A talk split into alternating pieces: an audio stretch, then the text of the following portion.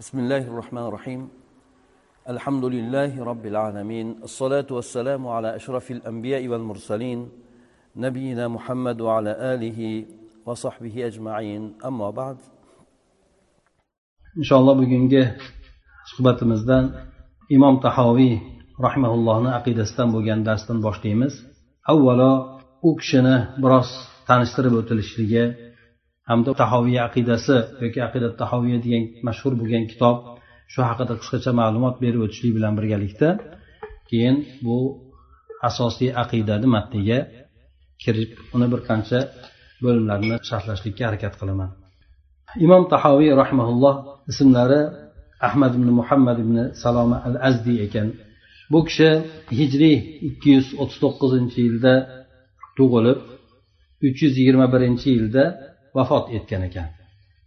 Ikki yuz o'ttiz to'qqizinchi yili tug'ilib turib uch yuz yigirma birinchi yili vafot etgan ekan ancha ya'ni yashagan uzoq muddat umr ko'rgan. Bu kishi dindor bo'lgan ilm xonadonida dunyoga kelgan. Onalari faqiha bo'lgan ya'ni ilmlik olimi bo'lgan ekan. Bu onalari esa shuningdek otalari ham lekin onalari mashhur bo'lganligi imom shofiyni shogirdlari al muzaniy degan shogirdlari bor. Shu kishini opasi yoki singlisi bo'lgan ekan. Ya'ni imom tahoviy o'sha imom muzaniyni jiyanlari hisoblanar ekan. Shuning uchun bu yerda imom muzaniyni ya'ni tog'alarini bu kishini ta'limiga judayam katta ta'siri bo'lgan ekan. O'sha tomondan imom tahoviy avvalda shofiy mazhabida bo'lgan keyinchalik hanafiy mazhabiga ko'chib o'tgan bu kishi. Mazhabda ham o'ziga yarasha vaznga ega bo'lgan olimlardan birisi hisoblanadi. Ham muhaddis hadis borasida fiq borasida ham ancha kitoblarni bitgan o'ndan ortiq bu kishini muallafot ya'ni kitoblari bor. Tahoviy aqidasi ham bu kishi yozgan o'sha aytaylik durdonalardan birisi hisoblanadi. Bu kishi yozgan tahoviy aqidasini juda ko'p yo'nalishlar qabul qilgan yoki olimlar qabul qilgan desak bo'ladi. Ahli sunna olimlari ham moturidiya bo'lsin ashariya bo'lsin bularni hammasi o'ziga juda ham bizga munosib ekan deb qabul qilishib o'ziga yarasha sharh bilan sharhlashgan. Albatta sharhlashlikda endi bir biridan farq qiladi. Shuning uchun imom tahoviyni ahli sunna olimlari ham moturidiya mazhabi olimlari ham ashariya mazhabi olimlari ham juda katta hurmat qiladi. Bu kishini uch yuzga yaqin ustozlari bo'lganligi judayam ko'p shogirdlari bo'lganligi hattoki bu kishi asosan umrlari misrda bo'lib o'tgan. Misrda o'sha hanafiylik mazhabi bo'yicha eng yuqori daraja deymizmi riyosat deymizmi shu kishiga borib to'xtagan deb aytishadi. Ya'ni imom tahoviydan keyin imom tahoviyni darajasidagi odam chiqmadi deb aytib qo'yishadi. Bu kishi haqlarida bir qancha olimlar maqtov bergan juda ko'p olimlar bergan desak ham bo'ladi. Imom zahabiy rahimaulloh bu kishi haqlarida imom tahoviy juda ham ishonchli ham faqih olim ham juda ham aqlli kimsa bo'lganlar deydi. Yana xuddi shunga o'xshagan vasfni saloh sofdiy degan olim kishi aytgan ekanki vofiy degan kitoblarida ya'ni imom tahoviy juda ham ishonchli bo'lgan juda ham ulug' bo'lgan kimsalardan ya'ni faqih olim bo'lgan oqil bo'lgan u kishidan keyin esa o'ziga o'xshaganni qoldirmagan degan ekan. Ya'ni imom tahoviy o'zidan keyin o'ziga o'xshaganni qoldirmagan yoki u kishidan keyin u kishiga o'xshagani chiqmagan degan mazmunda aytib o'tgan ekan. Bir qancha demak olimlar ham u kishini hadis borasidagi bo'lgan darajasini ham fiqh borasidagi bo'lgan darajasini maqtab o'tishgan shuningdek u kishini yuqoridagi aytib o'tgan aqida tahoviy kitobi haqida juda ham ko'p iliq so'zlarni juda ham yuqori so'zlarni bu kishi kitoblari haqida ham aytib o'tishgan. Ana o'shandan yuzdan ortiq matn yozgan tahoviy aqidasi. Nimada qanday e'tiqod qilishlik borasida. Bu qisqacha bir kitobcha o'zi aslida imom tahoviy yozgan kitoblari. Sharhlari esa juda ham ko'p sharh qilingan.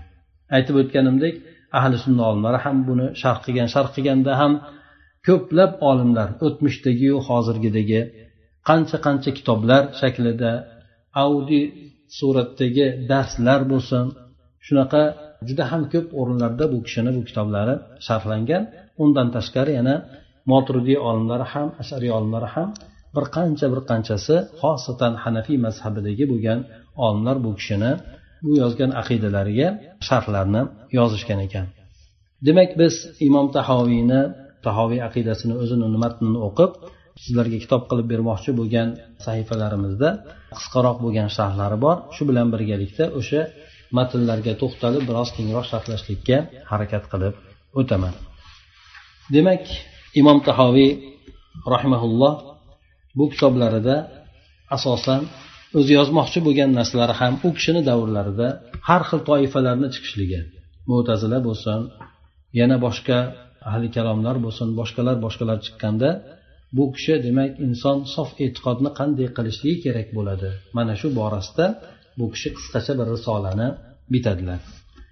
Bu bitgan risolasida tavhid yoki aqida borasidagi hamma masalalarni o'z ichiga olishlikka ya'ni o'shani ichiga kiritishlikka harakat qilgan bu kishi. Shuning uchun ba'zi o'rinlarni aytib o'tayotgan paytimizda qisqaroq lekin o'sha keyinchalik kengroq suratda keladi. Shuning ba'zan ishora qilib o'tib ketishligimiz mumkin. bu kishi avvalo alloh taoloni tavhidi haqida gapirib aytadilarki ونقول في توحيد الله معتقدين بتوفيق الله أن الله واحد لا شريك له biz alloh taoloni tavhidi borasida alloh taoloni tavfiqi bilan alloh taolo sheriksiz yolg'iz o'zidir deb e'tiqod qilgan holatda aytamiz deb aytib o'tadi demak bu kishi bundan oldin aytganlarida bu yozgan risolachasi abu hanifa rahmaulloh shogirdlari abu yusuf va imom muhammad bularni e'tiqod qilgan narsalari deb turib boshida yozishlikda shunday sifatlab turib o'tib ketadi. Ya'ni shu olimlar va shu kishidan boshqa shu ahli sunnani olimlarini e'tiqod qiladigan bu yerda so'zlarini men bu kitobga bitdim deb aytib o'tadi. Haqiqatdan salaf olimlari shu jihatdan mana imom molik bo'lsin imom shofiy imom ahmad bo'lsin o'sha davrlardagi. Demak bularni ham e'tiqodlari bu imom tahoviy yozgan bu kitob risolachadagi e'tiqoddan unchalik farq qilmaydi. Ba'zi ba'zi o'rinlarga mulohaza sifatida aytgan o'rinlari bor lekin u ham juda yengil. Umumiy suratda ahli sunna qanday e'tiqod qilishligi borasida demak bu kishi risolani yozgan ekan. Boshida alloh taoloni tavhidi haqida gapirib o'tadi. Mana tavhid haqida aytib o'tadigan bo'lsak tavhidni olimlar uch qismga taqsim etishadi. Bular ya'ni tavhid deganni o'zi aslida alloh taoloni yolg'iz o'ziga ibodat qilishlik yoki sig'inishlik shu bilan birgalikda shirkdan saqlanishlikni anglatadi. Inson shu dunyodan aytib o'tganimizdek tavhidda vafot etadigan bo'lsa bu insonga alloh taolo juda ham ko'p narsalarni va'da qilgan. Bu hadislardan birisi inson alloh taologa biron narsani shirk keltirmasdan dunyodan o'tadigan bo'lsa garchi uni gunohlari osmon qobig'igacha bo'lgan taqdirida ham alloh taolo uni gunohlarini kechirib yuborishligini aytib o'tadi. Bu narsalarni hammasi o'sha insonni tavhidda vafot etishligiga bog'liq bo'ladi. Tavhid ya'ni alloh taoloni yagonalashlik nima narsalarda bo'ladi? Olimlar bu borada yengilroq tushunishligimiz uchun tavhidni uch qismga taqsimlab aytganlarki bu birinchisi alloh taoloni rububiyatida ya'ni alloh taolo rob ekanligida dunyoni yaratganligi uni boshqarib turishligida dunyoda qiladigan ishlarida yagona ekanligiga e'tiqod qilishlik. Alloh taolo yolg'iz o'zi dunyoni yaratgan alloh taoloni yolg'iz o'zi dunyoni butun borliqni tadbir qilib boshqarib turadi. Nima narsaga ehtiyoji bo'ladigan bo'lsa butun borliq o'sha narsasini hammasini alloh taolo ularga ta'minlab beradi. Yolg'iz o'zi bo'lgan holatda. Mana shu narsa demak rububiyat tavhid deb aytiladi. Ikkinchisi esa tavhid ulug'iyat deyiladi. Ya'ni birinchisi alloh taoloni qiladigan ishlarida alloh taoloni yagonalashlik bo'ladigan bo'lsa ikkinchi tavhid ulug'iyatda alloh taologa qilinadigan ibodatlarda allohni yagonalashlik yoki bo'lmasa yolg'iz alloh taoloni o'ziga inson hamma ibodatlarni qilishligi. Aytib o'tgandik bir qancha darslarda asosiy payg'ambarlarni olib kelgan risolati ham tavhid ulug'iyatga asoslanadi. Chunki alloh taoloni rob ekanligini kamdan kam odamlar yoki toifalar inkor qilgan. Hattoki makka mushriklari ham alloh taoloni kim yaratdi bizni deb aytadigan bo'lsa olloh deb aytishardi. Kim rizq beradi desa olloh deb aytishardi. Demak ular alloh taoloni e'tirof etishadi. Lekin ibodatda boshqa narsalarga qo'shib turib boshqa narsalarni sherik qilib turib allohga ibodat qilishardi. Shu tomondan demak biz alloh taoloni o'sha bizni hammamizni yoki borliqni yaratgan borliqni alloh taolo o'zi boshqarib turadi. Shuningdek butun qilinadigan amallarni hammasi alloh taolo uchun qilinishlik kerak. Ho inson tashqari jasadi bilan qiladigan amallari bo'lsin qalbi bilan bo'ladigan amallari bo'lsin hammasi faqat ollohgagina yo'naltiriladigan bo'lsa inson uchun o'sha narsalarda savob bor. Yoki inson uchun o'sha narsalarda najot bor. Agar ollohdan boshqa narsaga yo'naladigan bo'lsa ajrdan mahrum bo'lishligi hamda insonni o'sha e, katta bir narsaga shirk yoki bo'lmasa riyo boshqa narsalarga kirgizib qo'yishligi mumkin bo'ladi. Uchinchi tavhidni turi esa allohni tanishlik. Alloh taoloni sifatlarida ismlarida alloh taoloni yolg'iz yakka yolg'iz deb bilishlik. Olloh nima bilan sifatlanadigan bo'lsa alloh taolo o'sha narsalarda yakka yolg'izdir. Bu qur'onda alloh taolo o'zini sifatlagan yoki bo'lmasa payg'ambar sallallohu alayhi vasallam hadislarida alloh taoloni sifatlagan sifatlarida alloh taoloni yakkayu yolg'iz deb turib e'tiqod qilishlik bo'ladi. Mana shu narsa demak tavhidni ifoda qiladi. Mana imom tahoviy aytganlarida alloh taoloni tavhidi borasida biz alloh taolo shu aytib o'tgan narsalarimizni hammasida yakkayu yolg'iz hech qanaqangi sherigi yo'q deb turib e'tiqod qilamiz deb imom tahoviy aytib o'tyaptilar. Demak ana o'sha bizni tavhid borasidagi bo'lgan e'tiqodimiz alloh taolo yakkayu yolg'iz nafaqat yaratishlikda balki butun alloh taologa nisbatlanadigan hamma ism sifatlarda bo'lsin hamda alloh taologa qilinadigan barcha ibodatlarda bo'lsin bu alloh taoloni yolg'iz o'ziga qilinishligi kerak bo'ladi. Ana o'sha jihatdan ham inson ya'ni alloh taoloni yolg'iz o'ziga ibodat qilib o'tar ekan hattoki inson hayotini oxirida dunyodan o'tadigan paytida o'sha e'tiqodda o'ladigan bo'lsa jannatga kiradi deb aytadi o'sha e'tiqodda ya'ni alloh taoloni yolg'izlagan e'tiqodda vafot etadigan bo'lsa inson jannatga kirishligini aytib o'tiladi. Ana undan keyin imom tahoviy yana aytadilarki demak alloh taologa o'xshagan biron narsa yo'q deydi. Haqiqatdan alloh taolo buncha borliqni yaratgan bo'lsa alloh taolo butun maxluqotlarni hammasini boshqarib turgan bo'lsa kim nimaga muhtoj bo'ladigan bo'lsa bu inson nafaqat ovqatga balki havoga muhtoj bo'lishligi balki o'shani ko'zi ko'rib turadigan qulog'i eshitib turadigan bu nafaqat insonni balki hamma maxluqotlarda o'sha jonli bo'lgan maxluqotlarni ko'ra olishligi eshita olishligi bila olishligi aql qila olishligi butun hamma narsasini boshqarib turadigan zot alloh taolodir. Undan tashqari koinotdagi bo'lgan hamma qonun qoidalarni ham boshqarib turadigan shularni tuzuvchi bo'lgan zot ham alloh taolo demak alloh taologa o'xshagan bironta zot yo'q. Bironta zot alloh taologa o'xshamagandir. Imom tahoviy ayni shu narsani aytib o'tyaptilar. Demak alloh taoloni umuman nafaqat sherigi yo'q balki alloh taologa o'xshagani ham yo'qdir. Alloh taolo shu tomondan ham yakkayu yolg'iz. Abul is hanafiy buni sharhlarda aytib o'tadilar degan oyat demak alloh taologa o'xshagan biron narsa yo'q deb turib alloh taolo o'zi haqida aytib o'tadi. Biron narsa allohga o'xshamaydi lekin alloh taoloni bu degani hech qanaqangi sifat yo'q degani emas. Balki alloh taolo eshitib turuvchi va ko'rib turuvchidir deb alloh taolo aytib o'tadi.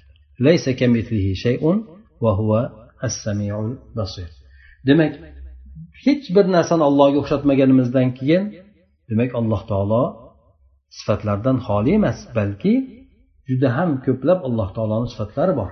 Ba'zilari haqida mana imom tahoviy ham aytib o'tadi. Bu esa qur'on hadisda juda ko'p o'rinlarda alloh taolo qanday sifatlar bilan sifatlanganligi to'g'risida oyatlar hadislar ham keladi.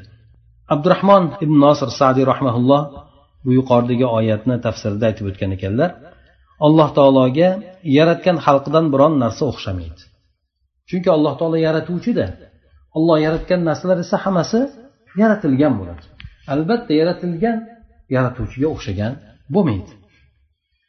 Xoh uning zotida bo'lsin alloh taoloni zotida na ismlarida yo sifatlarida yo qiladigan ishlari fe'llarida bo'lsin biron narsa alloh taologa o'xshamaydi. Ya'ni hech bir narsasida. Shaxsida ham alloh taoloni zotida ham ism sifatlarida ham alloh taoloni qiladigan ishlarida ham demak alloh taologa biron narsa o'xshamaydi deb aytib o'tgan chunki u zot ismlarining barchasi go'zal sifatlarning hammasi mukammal kamollik hamda ulug' sifatlardir fe'llari esa alloh taoloni qiladigan ishlari esa ulkan maxluqlarni sheriksiz paydo qiluvchi fe'llardir. Deydi ya'ni alloh taolo qanchalik buyuk bo'lgan narsalarni yaratgan bo'lsa hali biz olloh yaratgan buyuk bo'lgan narsalarni biz tasavvur ham qilolmaymiz. Ha? Masalan aytaylik shu dunyo ostidagi bo'lgan qancha qancha yulduz planetalar bo'lsin boshqalar bo'lsin hamma narsani alloh taolo yaratgan. Ular dunyo osmonini ichida bir nuqta barobarida turadi.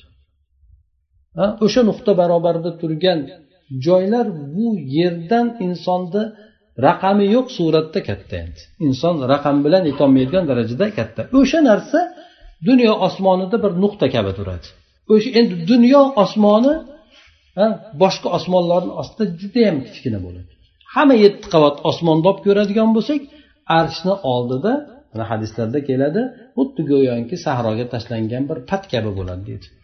Shamol uchirib yoqqa bu yoqqa qiladigan bir pat kabi shunday holatda demak alloh taoloni arshi judayam buyuk bo'ladigan bo'lsa biz uni tasavvur qilolmaymiz arshi shunchalik buyuk bo'lgandan keyin alloh taoloni o'zini inson tasavvur qilolmaydi ihota ham qilolmaydi ihota qilolmaydigani ko'rib uni cheki bilan ko'rib tasavvur qilolmaydi inson. Ba'zan bir narsani bir bo'lagini ko'rishi mumkin xolos. Chunki insonni ko'zi u narsani hammasini ilg'ab ololmaydi. Demak alloh taolo shunaqangi buyukki la tudrikuhul absor deb aytadi. Demak alloh taoloni hech bir narsa idrok qilolmaydi ya'ni atroflicha ko'rolmaydi degan. Demak ikkinchi matnida imom tahoviy alloh taologa o'xshagan biron narsa yo'q. Hech bir narsasida biron narsa alloh taologa o'xshamaydi deb. Demak biz bu narsani e'tiqod qilishimiz kerak. Bu narsada keyin inson alloh taoloni haqiqatdan yagona zot ekanligini tengi yo'q sherigi yo'q ekanligini inson bunda anglay boshlaydi. Uchinchi matnida aytib o'tadilarki imom tahoviy alloh taoloni shu bilan birgalikda biron narsa ojiz qilolmaydi alloh taolo nima narsani qiladigan bo'lsa hech bir narsani qilishlikdan alloh taolo ojiz bo'lmaydi.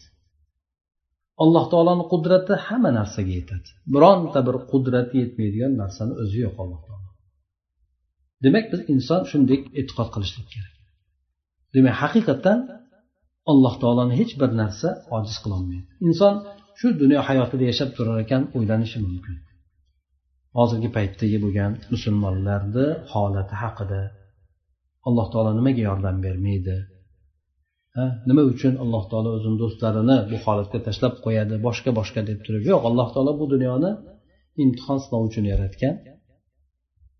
Ba'zan insonni o'zidan bo'ladigan ayb sababli yoki bo'lmasa gunohlar sababli alloh taolo insonlarni o'zlarini demak o'sha gunohlari sababli gunohlarini poklaydi ehtimol shunday bo'layotgan bo'lishligi yoki bo'lmasa insonlarni sabrlarini sinayotgan bo'lishligi yoki bo'lmasa ularni yana ham alloh taolo darajalarini ko'tarishlik uchun shunday bir qiyin holatlarni ularni qo'yib qo'yganligi ya'ni hadisda ham keladiku insonlarni ichida eng qattiq sinaladiganlar payg'ambarlar bo'ladi undan keyingi payg'ambarlarga yaqin bo'lganlar qattiq sinaladi dedi. Hamma inson iymoniga yarasha sinaladi dedi. Ho shaxs sifatida bo'lsin ho jamoa sifatida hoki ummat sifatida bo'lsin. Ana o'shandek alloh taoloni ya'ni bu ummatga yoki musulmonlarga mo'minlarga yordam berishlikdan hech narsa to'smaydi. Faqatgina insonlarni o'zi o'shanga loyiq bo'lsa bo'ldi. Alloh taoloni buyukligi oldida hech bir narsa turolmaydi. Ha demak shunchalik buyuk bo'lgan zot aytib o'tdik dunyo osmonni yerni miqdori nuqtadan ham kichik bo'lsa nuqtadan ham ko'rinmaydi. O'sha nuqta bo'lgan holatdagi planetalar deymizmi yulduzlar deymiz bular yerdan tasavvur qilib bo'lmaydigan darajada raqam yetmaydigan darajada katta bo'lsa yer shunaqangi kichkina uni ichidagi bo'lgan inson qancha edi? Aytaylik davlat bo'ladimi? Yoki bo'lmasa bir katta bir qit'a bo'ladimi? Nima bo'lishidan qat'iy nazar? Demak u judayam judayam arzimagan narsa bo'lib qoladi. Demak alloh taoloni hech narsa man qilolmaydi agar alloh taolo bir ishni xohlaydigan bo'lsa. Alloh taolo bir ishni agar xohlamaydigan bo'lsa hech bir kimsa yoki hech bir toifa u narsani ado etolmaydi. Demak imom tahoviy birinchi bo'lib bizlarni yoki bo'lmasa shu e'tiqodni o'rganayotgan odamlarni qalbiga alloh taoloni tanishlikni solyapti. Alloh taolo qanday buyuk zot ekanligini bizlarga alloh taolo bu kishi aytib o'tyaptilar. Demak bu narsa bu uslub payg'ambar sallallohu alayhi vasallamni o'sha uzun davrlarida ho yoshlar bo'lsin ho kattalar bo'lsin bularga o'rgatadigan e'tiqodni singdiradigan o'rinlarda bu judayam ko'zga tashlangan holatda. Masalan ibn abbosni e, hadislarini olib ko'radigan bo'lsak payg'ambar alayhissalomni orqasiga engashib olgan holatlarida yoki bo'lmasa muoz roziyallohu anhuni abu zarni payg'ambar alayhisalom olib ketayotgan paytlarida bo'lsin yoki payg'ambar alayhisalomni o'sha aytaylik islomni avvalgi paytidagi bo'lgan odamlarni chaqirgan e'tiqodlari bo'lsin alloh taoloni faqat yolg'iz ekanligi shirkdan inson chetlanishligi. Mana shu narsalarda hammasi demak inson birinchi bo'lib ollohni tanishligi ana ollohni qanday zot ekanligini tanigandan keyin u zot tomonidan keladigan narsani qabul qilishlik va u narsalarga bo'ysunishlik inson uchun osonroq kechadi. Qachoniki uni yuborgan zotni inson taniydigan bo'lsa qanday zot ekanligini inson biladigan bo'lsa. Mana shu narsalar bilan imom tahoviy rahmaulloh kitoblarini boshida demak bizlarga alloh taoloni qanday zot ekanligi alloh taolo to'g'risida biz qanday e'tiqod qilishligimiz kerak ekanligi alloh taoloni biz qanday tasavvur qilishligimiz quvvatlarini qiladigan ishlarini hamda alloh taologa qanday taslim bo'lishligimizga imom tahoviy bizni shuni tayyorlab ketyaptilar. Mana shuning uchun bu kishi bundan keyingi bir qancha matnlarda ham alloh taolo haqida yana aytib o'tadi. Demak ana o'sha orqali biz alloh taoloni yana ham yaqindan tanib borishlikka harakat qilamiz. Shuning uchun payg'ambar sallallohu alayhi vasallam aytib o'tgan hadislarida alloh taoloni kengchilikda tanigan o'shani qiyinchilikda taniydi deydi. Yoki kim alloh taoloni qanchalik yaxshi biladigan bo'lsa alloh taolodan shunchalik qo'rquvchiroq bo'ladi.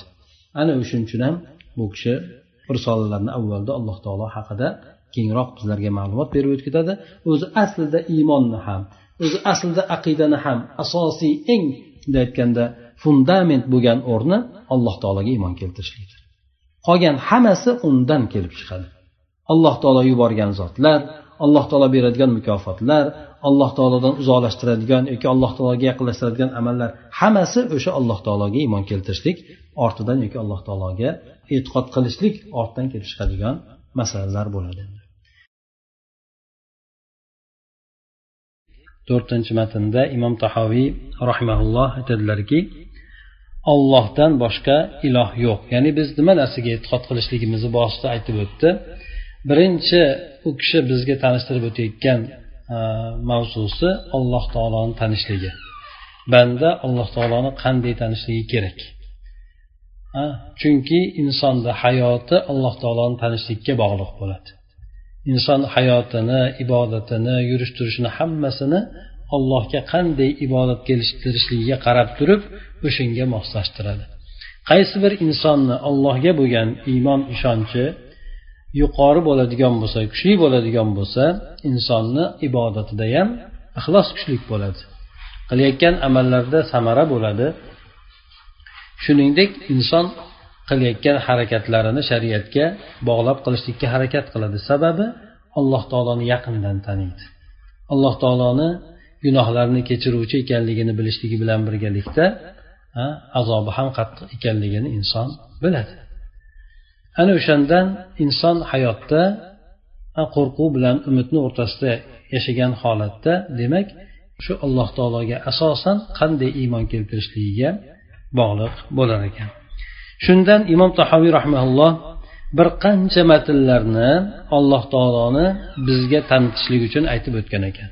Bulardan mana birinchi matnda aytib o'tganligi ya'ni qisqaroq suratda aytib o'tib ketaman. Alloh taolo yakkayu yolg'izdir u zotni sherigi yo'q deb bizga tanishtirdi. Ha demak alloh taolo yakkayu yolg'iz u zotni tengi yo'q dedi. Undan keyin ollohga hech bir narsa o'xshamaydi dedi. Hamda uchinchi matn desa alloh taoloni biron narsa ojiz qilolmaydi kamoli qudrati bo'lganligi uchun ya'ni qudrati mukammal bo'lganligi uchun hamma narsaga alloh taolo qodir bo'lganligi uchun hech bir narsa alloh taoloni ojiz qoldirolmaydi deb bizlarga tanishtirib o'tdi alloh taoloni.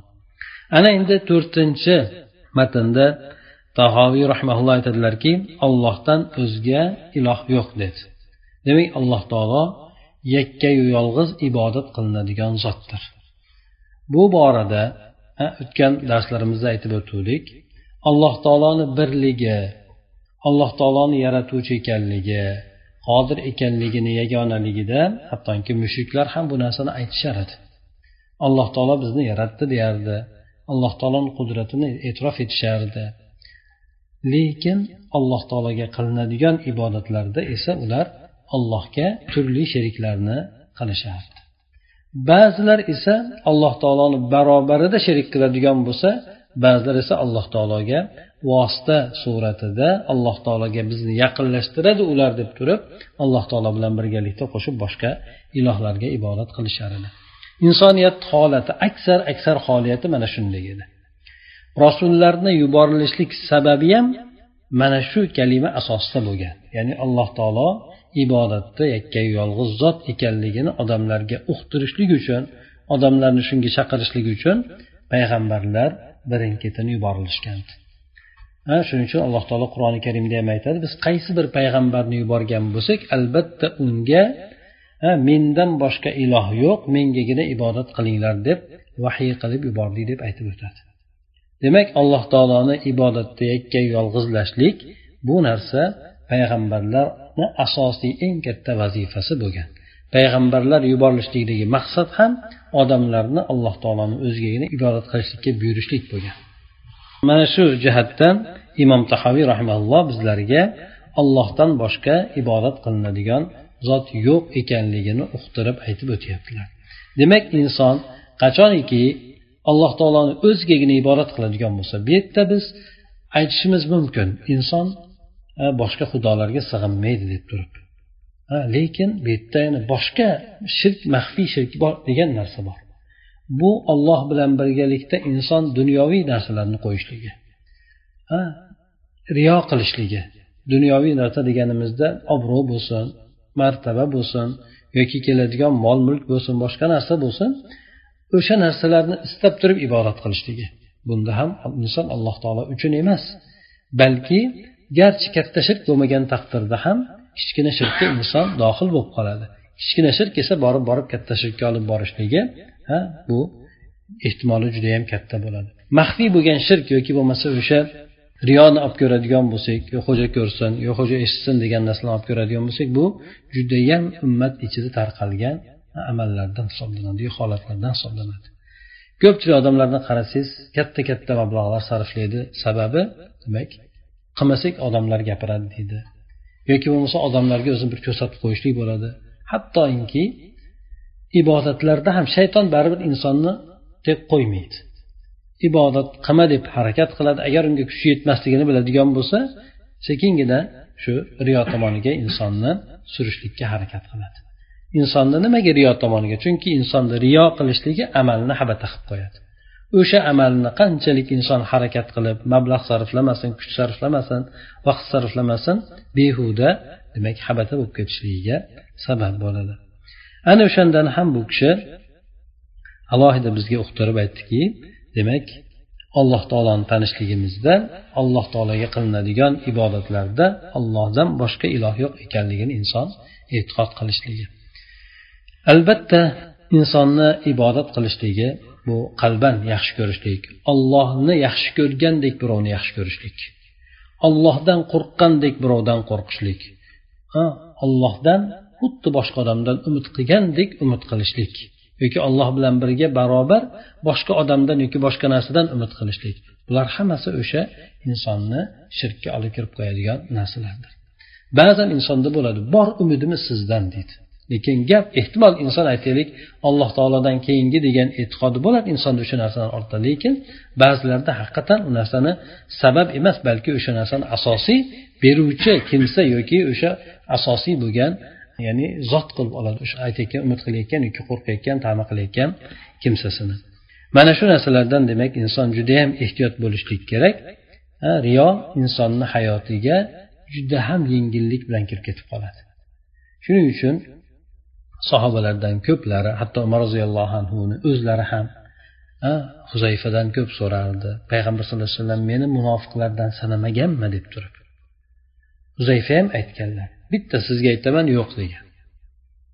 Bitta sizga aytaman sizni ulardan sanamagan. Lekin payg'ambar alayhissalom qancha qancha odamni o'sha munofiqlardan sanab o'tgan. Yana undan o'sha aytishadiki yana olimlar uhud jangiga chiqib ketishlikda musulmonlar bilan birgalikda jangga chiqqan odamlardan abdulloh ibn ubayga ergashib turib uch yuzga yaqin odam qaytib ketadi. O'shani qabilasi yoki o'shani tarafdorlari boshqalar bo'lib o'shalar hammasi munofiq bo'lib ketadi deydi. Demak munofiq bo'lib ketishligi insonni qiladigan amalini xudo uchun qilmaydigan bo'lib qolishligi ibodatlarni yolg'iz olloh uchun qilmaydigan bo'lib qolishligi. Mana shu tomondan demak inson judayam qattiq ehtiyot bo'lishligi kerak. Shuning uchun aytib o'tganimizdek payg'ambarlarni asosiy risolati insonlarni yolg'iz alloh taoloni o'ziga sig'intirishlik bo'ladigan bo'lsa bu narsada faqatgina ko'rinib turgan butlargagina emas balki insonga ko'rinmaydigan maxfiy turadigan boshqa insonni amallarini habata qiladigan yoki shirkka olib kirishga sabab bo'lib qoladigan boshqa amallardan ham payg'ambarlar juda ham qattiq qaytarishgan. Demak bu to'rtinchi matnga aloqador bo'lgan masala edi. Vala ilaha g'ayruh deb aytib o'tadi. Ya'ni iloh deganda ma'budni tushuniladi. Yaratuvchi emas rizq beruvchi emas balki iloh ya'ni ibodat qilinadigan zot. Aytib o'tdik biz tavhidni qismlarini aytib o'tayotgan paytimizda tavhid rububiyat alloh taoloni qiladigan ishlarida ollohni yagonalashlik bo'ladigan bo'lsa tavhid ulug'iyat esa ollohga qilinadigan ishlarda faqat olloh uchun qilishlik. Har qanaqangi ibodat turlarini alloh uchun qilishlik bu tavhidi ulug'iyat edi. Undan keyin mana beshinchi matnda yana alloh taoloni bizga tanishtirib davom etadiki alloh taolo qanday zot ekanligi haqida imom tahoviy aytib o'tadilar. Ya'ni alloh taolo ibtidosiz qadimdir. Bu iborani ishlatgan. Alloh taolo qadimdir lekin boshlang'ichi yo'q. Qur'onni iborasi bilan esa bu avvalu deb keladi. Yoki bo'lmasa hadisda ham keladi antal avvalu falaysa qoblaka shay. Ya'ni sen birinchi bo'lgan zotsan sendan oldin biron narsa bo'lmagan. Imom tahoviy esa buni mazmunini keltirgan. Alloh taolo qadim lekin boshlang'ichi yo'q. Ya'ni xuddi o'sha mazmundagi mazmuni bir xil bo'lgan boshqa iborani keltirib o'tgan. Demak alloh taolo avvaldan azaldan bo'lgan zot. Inson buni tasavvuriga keltirolmaydi sababi inson ko'rayotgan hamma narsalar u yangitdan yaralayotgan narsalar. Yo'g'ida paydo bo'lib qoldi. Masalan aytaylik oxiri tasavvur qilib tasavvur qilib boradigan bo'lsa oxiri borib turib faqatgina alloh taoloni o'zi bor degan narsaga inson keladi. Lekin insonni tasavvurida olloh o'zi qayerdan bo'ldi degan tasavvur keladi baribir. Bu insonni xoh o'zidan chiqadigan savol bo'lsin yoki shayton olib keladigan savol bo'lsin. Shunda demak inson alloh taoloni o'zini bergan xabariga payg'ambar alayhissalomni bergan xabariga iymon keltirdik deb to'xtaydi. Chunki insonni aqli u narsani tasavvur qilolmaydi demak alloh taolo azaldan yakkayu yagona bo'lgan zotdir. Allohdan oldin hech kimsa bo'lmagan. Mana alloh taolo avvalgi narsalardan bo'lib qalamni yaratgan deydi. Unga yoz dedi nimani yozay dedi qiyomatgacha bo'ladigan narsalarni yoz dedi alloh taolo. Allohni izni bilan hamma narsani shu qalam taqdirotini yozadi. Bu narsa yeru osmonlarni yaratilishligidan ellik ming yil oldin bo'ladi. Alloh taolo insoniyatni butun taqdirini yeru osmonlarni yaratishlikdan ellik ming yil oldin e, qilib qo'ygan deb keladi. O'sha paytda alloh taoloni arshi bor edi arshi suvni ustida edi deb keladi. Demak arsh yaratilganda o'sha qalamdan avval suv bo'lgan edi suvni yaratgan undan oldin esa alloh taolo olamni yaratgan edi.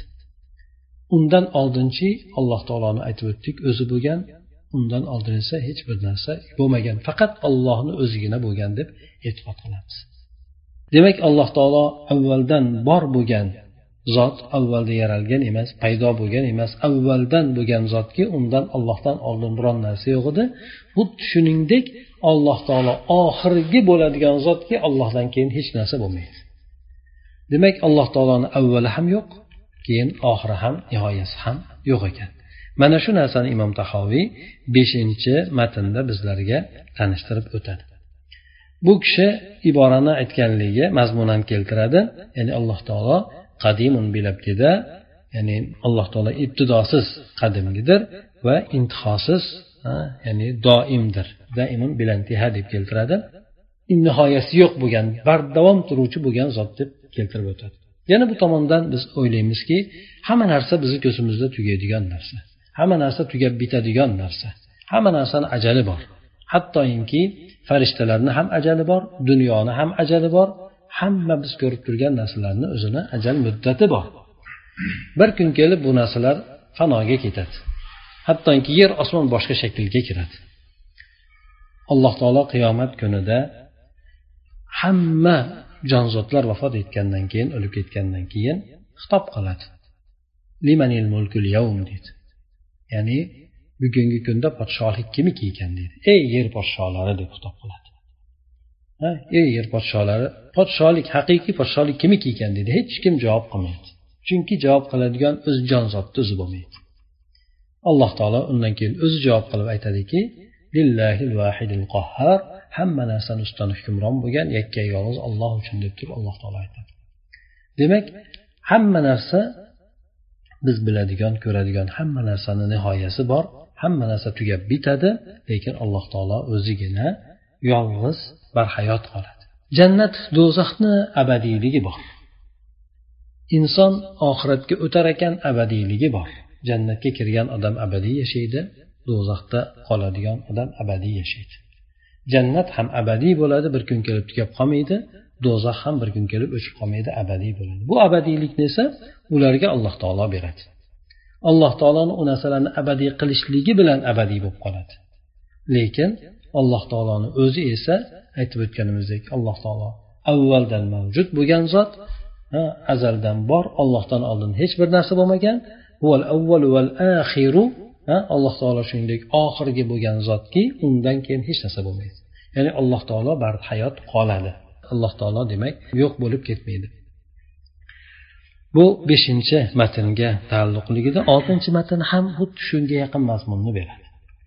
Aytib o'tadiki bu kishi yana alloh taoloni bizga tanishtirib alloh taolo foniy emas o'tkinchi emas. Biz aytamiz foniy deb dunyoga nisbatan ishlatamiz. Dunyo foniy dunyo deymiz oxirat esa abadiy deymiz. Abadiylikni alloh taolo berganligi uchun abadiy bo'ladi. Dunyoni foniyligi esa alloh taolo uni muddatini qo'yganligi uchun foniy bo'ladi. Alloh taolo bu narsalarni o'zi qilgan lekin alloh taoloni o'ziga nisbatan esa foniylik yo'qdir.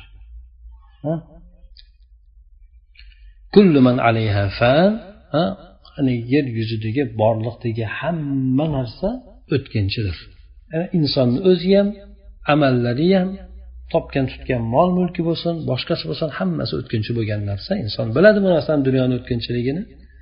Xuddi shuningdek alloh taolo esa demak hech qanaqangi foniylikka yuz tutmaydi balki alloh taolo al hayyu al qayyum ismi bor. Alloh taoloni barhayotlik sifati bor. Al hay demak alloh taolo doim hayotdir. Al qayyum hamma narsani boshqarib turuvchidir. Shu ko'p olimlarni so'zi bilan alloh taoloni eng buyuk ismlaridan deb keltiriladi. Ismul azom deb keltiriladi. Ismul azom ya'ni alloh taoloni eng buyuk bo'lgan ismlari kim? Uni aytib so'raydigan bo'lsa unga ijobat qilinadi. Bu borada qaysi ismlar ekanligi to'g'risida olimlarni ixtilofi bor lekin ko'pchilik olimlarni to'xtagan shu alloh taoloni al hay va qayyum ikkala ismdir. Shu oyatal kursida ham ayni mana shu ikkala ism bor. Oyatal kursi ham bizga alloh taoloni tanishtirganligi uchun alloh taolo qanday zot ekanligini bizga bildirganligi alloh taoloni sifatlarini ilmi judayam yuksak ekanligi hamma narsani alloh taolo o'zi saqlab turganligi mana shu narsalarni oyat bayon qilganligi uchun to'liq suratda qur'ondagi eng ulug' oyat deb aytiladi. Eng ulug' oyat deb aytilishligini sababi oyatal kursi boshdan oxirigacha alloh taolo haqida bizlarga so'zlab beradi. Demak oltinchi matnda bu kishi aytib o'tgan o'rinlari alloh taolo foniy emas shuningdek halok ham bo'lmaydi. Alloh taolo ya'ni bir kun kelib tugab qolmaydi yoki bo'lmasa ba'zi e'tiqodlarga binoan xristianlarda bo'lsin boshqalarda bo'lsin iso alayhissalom tug'ilgan paytida ularni tushunchasi bo'yicha iloh deb e'tibor qilinadigan bo'lsa o'sha paytda tashqarini boshqarib turuvchi kimsa bo'lmagan ya'ni zot bo'lmagan. O'sha muddat demak koinot bo'yicha borliq boshqaruvdan xoli holatda qolgan. Sababi o'sha iloh bir muddatga ya'ni iso alayhissalom tug'ilib nima qiladigan bo'lsa o'sha paytda go'yoki boshqaruvsiz qolganlik ya'ni alloh taolo unaqa foniylikka yuz tutmaydi. Ha davomiy bo'ladi alloh taolo bir lahza ham bir muddat ham demak hattoki ko'zi ham ilinmaydi mudroq ham bosmaydi uxlamaydi ham. Bu alloh taoloni uxlamasligi alloh taolo barkamolligi uchun alloh taoloda bunaqangi nuqson sifatlari bo'lmaydi. Ba'zi sifatlar bor insonda bu narsalar mukammallik bo'ladi. Uxlashlik inson uchun mukammallik uyquni qochishligi inson uchun kasallik bo'ladi. Uxlamasligi insonni kasallik bo'ladi. Alloh taolo uchun esa uxlamaslik bu alloh taoloni mukammalligi chunki alloh taoloda u narsaga ehtiyoj yo'q. Inson jannatga borganda insondan uyqu ketadi ko'tariladi. Inson uyquga ehtiyoji ham bo'lmaydi. Chunki inson uxlagan muddatda ham o'shancha muddat jannat rohatidan quruq qoladi. Shuning uchun insonda uyqu degan narsa bo'lmaydi. O'sha uyquni o'rniga ham inson jannatda rohat topadi demak bu yerda bu kishi bundan keyin ham keltirib o'tadi. Alloh taoloni tanishtirib bizlarga alloh taolo qanday zot biz alloh haqida qanday e'tiqod qilishimiz kerak? Bu kishi ba'zan aytib o'tayotgan o'rinda u toifaga yoki bu toifaga ba'zi adashgan toifalarga raddiya suratida alohida alohida matn qilib keltirib o'tib ketadi. Ba'zilar o'sha alloh taoloni ba'zi narsalarni inkor qilganligi sifatlarni inkor qilganligi yoki ba'zi holatlarni inkor qilganligi yoki e'tiqod borasida ba'zi narsalarni noto'g'ri e'tiqod qilganligidan bu kishi alohida matn qilib ba'zi toifalarga raddiya suratida ham keltirib o'tib ketadi. Ba'zan esa demak umumiy suratda musulmon odam e'tiqod qilishligi kerak bo'lgan e'tiqod qilishligi to'g'ri bo'ladigan narsalarni bizlarga bayon qilib o'tadi. Mana shu demak oltita matnni aytib o'tdik. Demak bulardan birinchisi alloh taolo yakka yolg'iz ekanligi sherigi yo'q ekanligi. Ikkinchisi esa alloh taologa hech bir narsa o'xshamaydi. Chunki biz ko'radigan narsalarni hammasi yaratilgan narsalar. Chunki yaratuvchini biz ko'rmaganmiz va dunyoda ko'rishlik nasib qilmaydi oxiratda jannatda ko'riladi endi. Shunday ekan inson alloh taologa biron narsani o'xshatishlikka haqqi yo'q. Chunki alloh taoloni o'zini ko'rmaganda ko'rmagandan keyin qayerdan o'xshatolmaydi inson. Yoki qanday tasavvur masalan inson bir narsani tasavvur qilishligi uchun albatta uni ko'rgan bo'lishi kerak yoki o'xshashini ko'rish kerak. Ba'zan o'zini ko'rsam bu inson tasavvur qilishi mumkin yoki o'xshashini ko'rsa ham tasavvur qilishi mumkin. Masalan aytaylik sherni ko'rganmisan desa yo'q desa shu mishiqni ko'rganmisan desa ha desa o'shani kattasi desa demak o'xshashi bor endi. Lekin alloh taoloni o'xshashi ham yo'qda. Shuning uchun inson demak alloh taoloni o'ziga hech bir narsaga alloh taolo o'xshamaydi. Na sifatida na zotida alloh taolo biron narsaga o'xshamaydi. Ana undan keyin uchinchi matnda esa alloh taolo shunaqangi qudratli bo'lgan zotki biron narsa allohni ojiz qilmaydi. Alloh taolo hamma narsaga qodir bo'lgan zot. Inson tasavvuriga alloh taoloni oldin qanchalik buyuk ekanligini inson bir tasavvur qiladigan bo'lsa ya'ni alloh taolo yeru osmonlar hammasi alloh taoloni bir qo'liga taxlangan holatda bo'lishligi osmonlarni hammasi yetti qavat osmon deymizmi yer ham alloh taoloni changalida bo'lishligi qiyomat kunida. Shunaqangi buyuk bo'lgan zot demak hech bir narsa alloh taoloni ojiz qilolmaydi. To'rtinchi matnda alloh taolodan boshqa iloh yo'q. Alloh taoloni faqat o'zigagina sig'iniladi o'zigagina ibodat qilinadi. Hamma narsada na butika bo'lsin na aytaylik riyo bo'lsin na boshqa narsalar bo'lsin bu narsalardan inson xoli bo'lishlik kerak. Shuningdek alloh taolo avvalgi bo'lgan zot allohdan oldin hech bir narsa bo'lmagan alloh taolo oxiri bo'ladigan zot undan iyog'iga hech narsa bo'lmaydi. Bu ham alloh taoloni tanishtirishlik bo'ldi. Xuddi shuningdek o'rtadagi muddatdachi endi. Avvali alloh taolo bor ekan. Oxirida alloh taolo qolar ekan. O'rtadagi holatdachi desa o'rtadagi holatda alloh taolo foniy bo'lmaydi shuningdek alloh taolo halok bo'lib ketmaydi. Demak barhayotligi abadiydir. Boshlang'ich nuqtasida ham oxirgi nuqtasida ham o'rtadagi bo'lgan holatlarda ham. Matnlarni hisobi bo'yicha ba'zi kitob ba'zi kitobdan farq qilishi mumkin. U kishi raqam qo'yib yozmagan. Ya'ni aqida qiladigan narsalarni qator hammasini birin ketidan yozib chiqqan buni yengillatishlik uchun ba'zi olimlar unga raqam qo'yib chiqqan. Birinchi raqam ikkinchi raqam uchinchi raqam ya'ni bu insonni tushunishligi ajratib olishligi osonroq bo'lishligi uchun. Shu raqam qo'yishligida ba'zilar ikki uchta gapni bir biriga yaqin bo'lganda bitta qilishib bitta raqam qo'ygan bo'lsa ba'zilar ichidagi nuqtalariga qarab turib alohida alohida raqam qo'yganlar ham bor ekan. Endi unchalik bu narsa muhim emas. Biz o'sha bir kitobdan ketadigan bo'lsak o'sha kitobni raqam bo'yicha aytib ketaveramiz. Bu boshqa kitobdagi kelgan raqam bilan biroz farq qilishi mumkin lekin bu narsani muammosi yo'q. Demak bizda yettinchi matnga kelib to'xtagan edik. Bunda u kishi aytadilarki ya'ni alloh taoloni xohlagan narsasigina bo'ladi degan ma'noni aytib o'tganlar bu kishi. Haqiqatdan alloh taolo hamma narsani yaratgandan keyin hamma narsani egasi bo'lgandan keyin nima narsa bo'ladigan bo'lsa u zotni mulkida albatta u zotni irodasi bilan bo'ladi. Ollohni ruxsatisiz ollohni xohish irodasisiz alloh taoloni mulkida biron narsa bo'lmaydi deb tushunamiz. Sababi aytib o'tdik inson yoki butun maxluqot bo'lsin alloh taoloni mulkidan tashqarida emas. Hammasi alloh taoloni mulkini ichiga dohil bo'ladi. Xuddi shuningdek insonlarni o'sha ollohni mulkida qiladigan narsalari ham alloh taoloni xohish irodasidan tashqariga chiqmaydi. Ollohni mulkida olloh xohlamagan narsa bo'lmaydi. Albatta mana shu narsani e'tiqod qilishligimiz kerak. Bu yerda albatta bir qancha oyatlar keladi. Bu oyatlarni ifoda qiladigan narsasi alloh taolo o'zini mulkida bo'lsin xohlagan narsasini qiladi degan oyatlar bor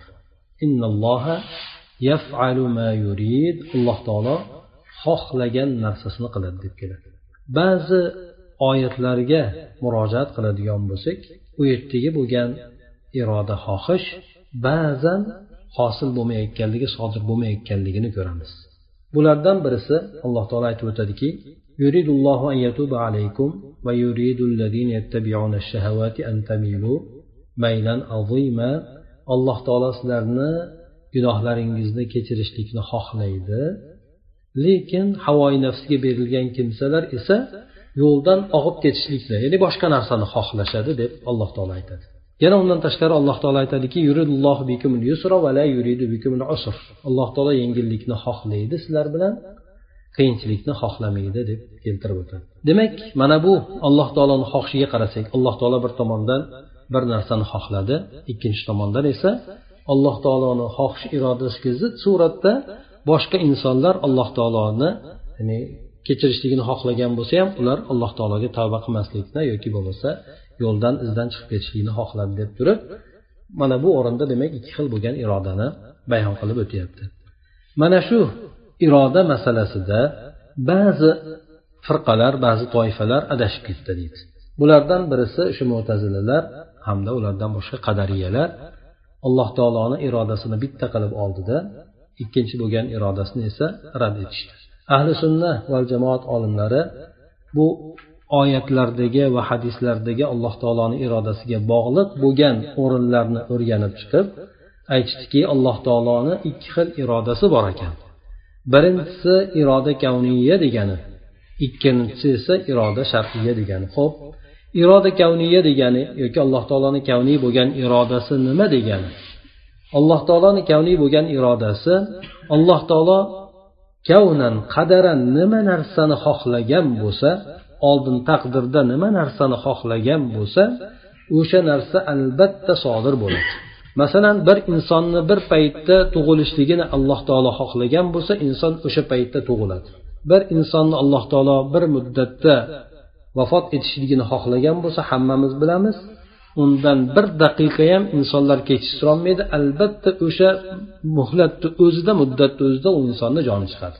Demak bu narsa alloh taoloni irodasi o'timli ekanligini bironta bir narsa alloh taoloni xohishiga qarshi hech bir narsa qilolmasligini bu yerdan anglab o'tamiz. Yana boshqa bir hadislarda ham keladiki agar deydi yer yuzidagi butun hamma jamlanib turib senga bir yomonlikni iroda qiladigan bo'lsa ular alloh taolo xohlagan narsanigina senga berolmaydi ollohni xohishidan boshqa hech bir narsani berolmaydi shuningdek foyda bermoqchi bo'ladigan bo'lsa ham senga alloh taolo nimani foyda qilishlikni xohlagan bo'lsa o'sha narsani berolmaydi undan ortig'ini berolmaydi demak bu alloh taoloni kavnan qadaran xohlagan narsasi alloh taolo bizni ustimizdan yoki butun maxluqotlarni ustidan alloh taolo avvaldan azaldan xohlab qo'ygan narsasi bo'ladiki bu narsa albatta sodir bo'lmasdan hosil bo'lmasdan qolmas ekan. Bunga esa oyatlarda judayam ko'p keladiki shuning uchun aytamiz biz nima deymiz? Allohu kana va ma lam yasha lam yakun deymiz. Alloh taolo agar nimani xohlasa u narsa bo'ladi nimani xohlamasa u narsa bo'lmaydi deymiz. Biz shunday e'tiqod qilamiz. Endi ikkinchi alloh taoloni irodasi borki bu irodasi alloh taoloni shar'an shariatda yaxshi ko'rgan hamda o'shanga rozi bo'lgan o'shanga buyurgan hukmlari yoki buyruqlari bo'ladi xohishlari bo'ladi. Shuning uchun alloh taolo hammani musulmon bo'lishligini xohlaydi. Hattoki fir'avnni ham musulmon bo'lishligini xohladida shuning uchun muso alayhissalomni jo'natdi. Borib unga da'vat qilgin dedi. Ehtimol ko'ngli yumshab qolar dedi.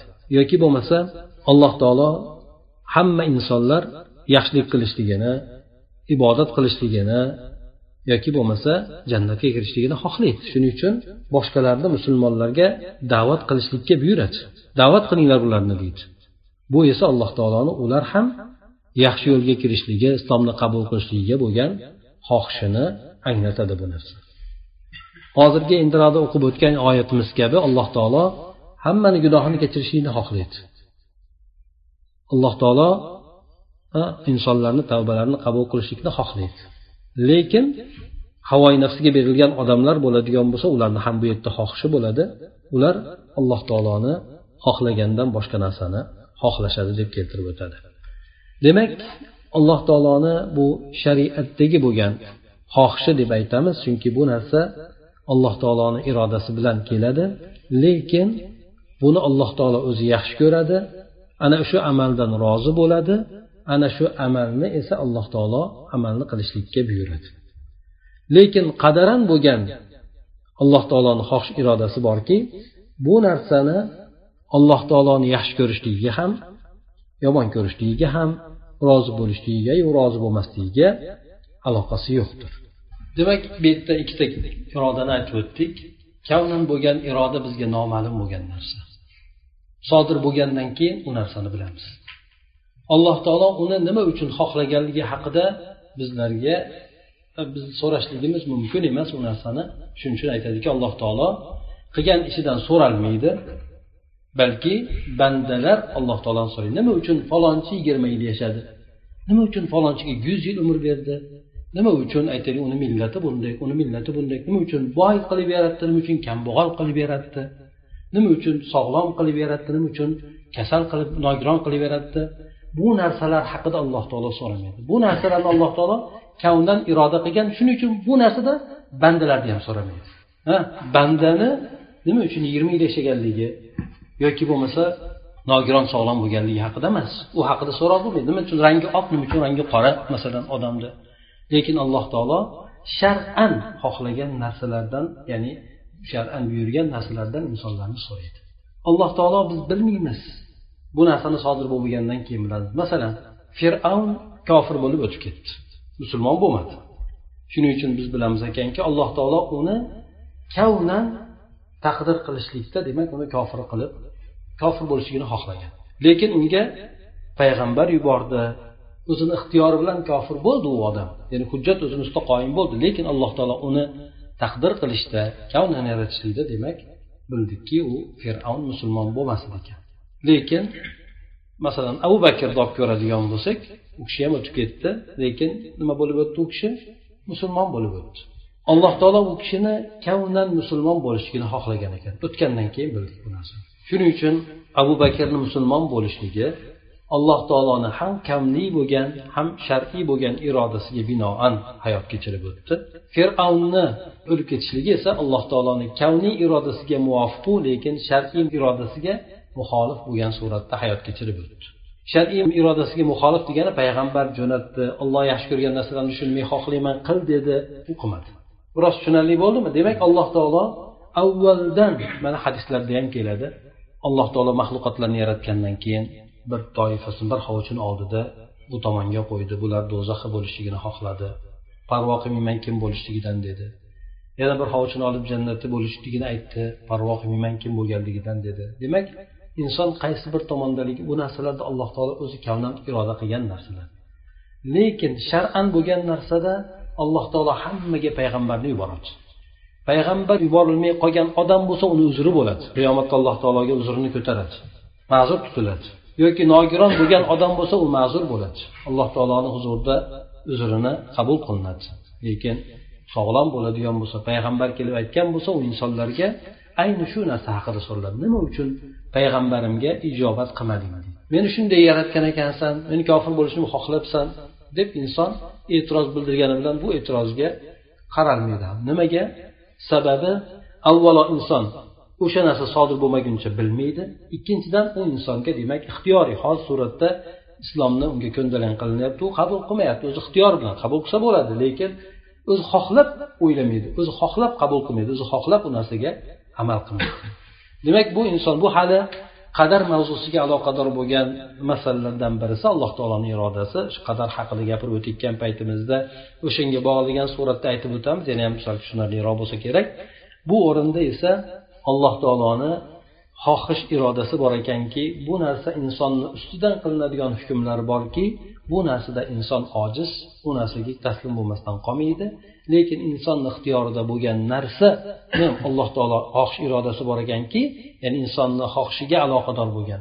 Bu narsada inson erkin allohni dinini qabul qilishlik qilmaslik namoz o'qishlik o'qimaslik bir amalni bado etishlik etmaslik bu insonni ixtiyoridagi bo'lgan narsa. Ayni mana shu narsa haqida alloh taolo qiyomatda insondan so'raydi.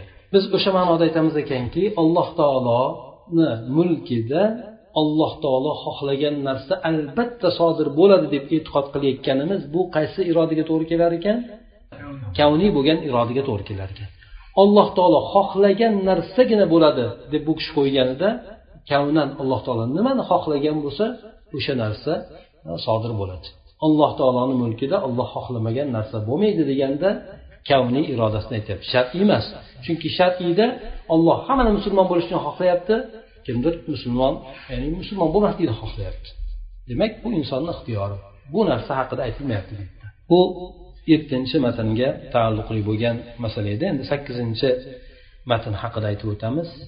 Sakkizinchi matnda e, imom tahoviy aytib o'tadilar ya'ni gumonlar hayollar alloh taologa baribir yetolmaydi. Shuningdek alloh taoloni mohiyatini haqiqatini aqllar idrok qilolmaydi. Bu oldin ham bir qator bunga ishora qilib o'tgan edik alloh taolo shunday bo'lgan zotki u zotni hayol qilib ham inson tasavvur qilolmaydi. Sababi bir narsani bilishlikni uch xil yo'li bor. Birisi aynan o'zini ko'rishlik. Bu allohga nisbatan hozir muhol bo'lgan narsa.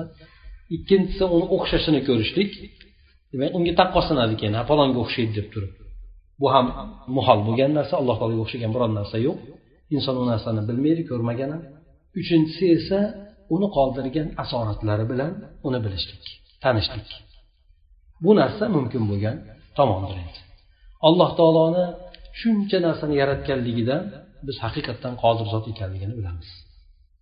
Bu narsalarni puxta yaratganligidan alloh taolo hikmat ilm egasi ekanligini bilamiz.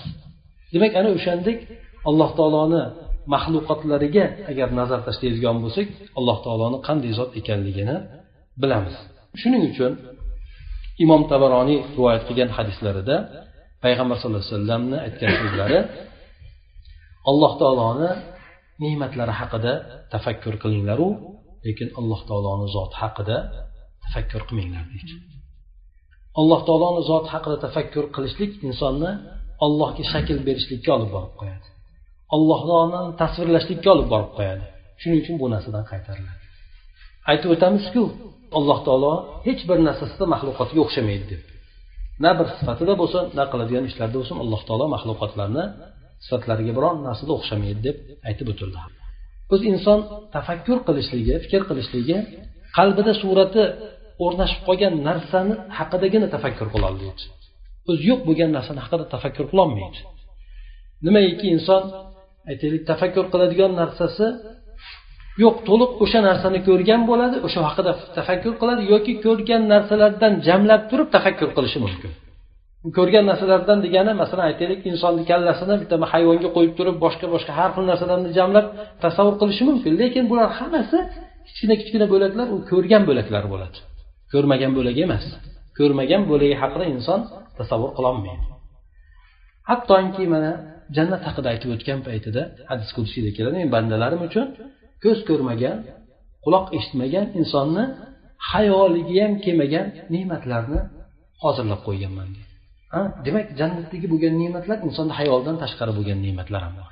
Xuddi shuningdek inson o'zini ruhi haqida tasavvur qilolmaydi biz o'zimizni birga yuradigan ruhimiz borku. Bu haqida tasavvur qilolmaymiz. Sababi u to'g'risida ma'lumotimiz ham yo'q. O'zini ham ko'rmaganmiz. Shuning uchun alloh taoloning maxluqotlarida biz tafakkur qilolmas ekanmiz. Alloh taoloni zotida hech qachon tafakkur qilolmaymiz. Shuning uchun alloh taolo ya'ni o'zinglar to'g'ringlarda ham tafakkur qilinglar degan tafakkur qilmaysizlarmi degan o'zinglar. Odam inson o'zi haqida ham o'ylanishligi alloh taoloni qanchalik qudratli zot ekanligini biladi. Ba'zan alloh taolo yaratgan kichkinagina bir narsadagi bo'lgan ollohni mo'jizasini ko'rib insonni hayoli lol qoladi. Kichkinagina bo'lgan alloh taolo yaratgan narsani mo'jizaligida yoki insonni bir a'zosidagi bo'lgan mo'jiza haqida. Ko'z bo'lsin quloqni eshitishligi bo'lsin shundan insonni aqli lol qoladi. Kichkinagina bitta yaralgan narsa haqida. Biz alloh taoloni ana o'shandek butun yaratgan maxluqotlariga qarab shuning uchun alloh taolo bizga rububiyatga ishora qilib aytadi. Ya'ni alloh taoloni o'sha yaratgan narsalarga qaramaysizlarmi? Yo alloh taoloni mulkiga qaramaysizlarmi? Tafakkur qilmaysizlarmi deydi. Bu narsalarni hammasi bizni alloh taoloni yolg'iz o'ziga ibodat qilishlikka undaydigan narsalar. Ana o'shandan keyin alloh taolo rububiyat haqida gapirib o'tgandan keyin alloh taoloni o'ziga ibodat qilishlik alloh taoloni yolg'iz o'ziga sig'inishlik haqida oyatlar ketadi. Alloh taolo har qanaqangi inson hayol qiladigan bo'lsa ham alloh taoloni tagiga yetib borolmaydi. Alloh taoloni azaliyligiga yetib borolmagandek qanday zot ekanligini ham inson tasavvur qilolmaydi. Undan keyin la tudrikuhul absor deb keladi. Alloh taolo judayam ulkan bo'lgan zotligidan jannatni ko'rgan paytida ham alloh taoloni to'liq suratda inson sig'dirolmaydi o'ziga. Shunaqangi demak alloh taolo judayam judayam buyuk zot. Ana undan keyin aytib o'tdiki to'qqizinchi matnda alloh taolo maxluqotlarga o'xshamaydi deb keltirib o'tdi. Demak ikkinchi matnda alloh taoloni tengi yo'q degan holatda tushunadigan bo'lsak bu oxirgi to'qqizinchi o'qigan bugungi matnimizda alloh taoloni maxluqotlarni birontasiga o'xshamaydi. dedi chunki u zot yaralmaganda yaratuvchi bo'lgan zot. Yaratuvchi butunlay boshqa bir narsa yaratilganlar butunlay bir boshqa narsa. Alloh taolo mana biz sifatlarini anchasini aytib o'tdik. Alloh taoloni yaratishligi boshqarib turishligi butun mulk hamma yo'q alloh taoloniki ekanligi shu narsalarni aytib o'tganimizdan keyin demak alloh taoloni qanday buyuk zot ekanligi to'g'risida bizda tasavvur paydo bo'ldi. Alloh taoloni qandayyam qudratli zot ekanligi hamma narsani puxta bilganligi hikmati shunaqa alloh taoloni bizlarda sifatlari haqida ma'lumot tasavvurimizga keldi. Hop bironta bir maxluqotda shunday narsa bo'lishligi mumkinmi? O'zi aslida maxluqotlarni hammasi fanoga yuz tutadigan bo'lsa hammasi yo'qolib ketadigan bo'lsa hammasida nuqsonlilik bo'lsa chunki ularda mukammallik yo'q hech qaysi bir maxluqotda. Ana o'shandek alloh taologa hech bir narsasida bironta o'xshashlik yo'q. Alloh taolo qiladigan ishi bo'lsin ko'rishligi bo'lsin. Mana inson yoki butun boshqa bir qaysi bir bo'lsa maxluqotni olib ko'ring. Mana inson ham mukammal maxluqotlardan bittasi. Ko'rganda faqat oldini ko'radi orqani ko'rolmaydi. Yan atrofni ko'rolmaydi. Eshitganda ham xuddi shuningdek ikkita odamni gapirganda birdaniga eshitolmaydi. Yoki ba'zi maxluqotlarda ovoz chiqarayotganligini eshitolmaydi. Ba'zi maxluqotlar gapiradi lekin inson ovozini eshitmaydi. Chunki uni chastotasiga kirmaydi inson. Chumollarni gapirishi bor boshqa maxluqotlarni gaplashishi bor. Bu inson narsalarni ilg'ab ololmaydi yoki bo'lmasa aytaylik shu xonamizda ham qancha qancha to'lqinlar yuradi radioni yoqsangiz radio oladi lekin insonni qulog'i ololmaydi. Internetga yoqsanglar internet to'lqin tortadi inson u narsalarni bilmaydi sezmaydi ham. Inson mukammal maxluqotlardan bittasi deb hisoblaydigan bo'lsa. Demak alloh taoloda bironta maxluqotga o'xshamaydi. Sababi alloh taolo hammani ko'radi. Bir paytda o'zida ko'radi. Inson bo'lsin maxluqot bo'lsin boshqa maxluqot bo'lsin yerni ostida bo'lsin ustida bo'lsin havoda bo'lsin qorong'ulik bo'lsin yorug'lik bo'lsin. Bularni hammasini alloh taolo bir paytda o'zi ko'rib turadi. Hammasini ovozini eshitadi. Milliardlab insonlar allohga duo qilsin hammasini tili bilan hammasini hojatini biladi.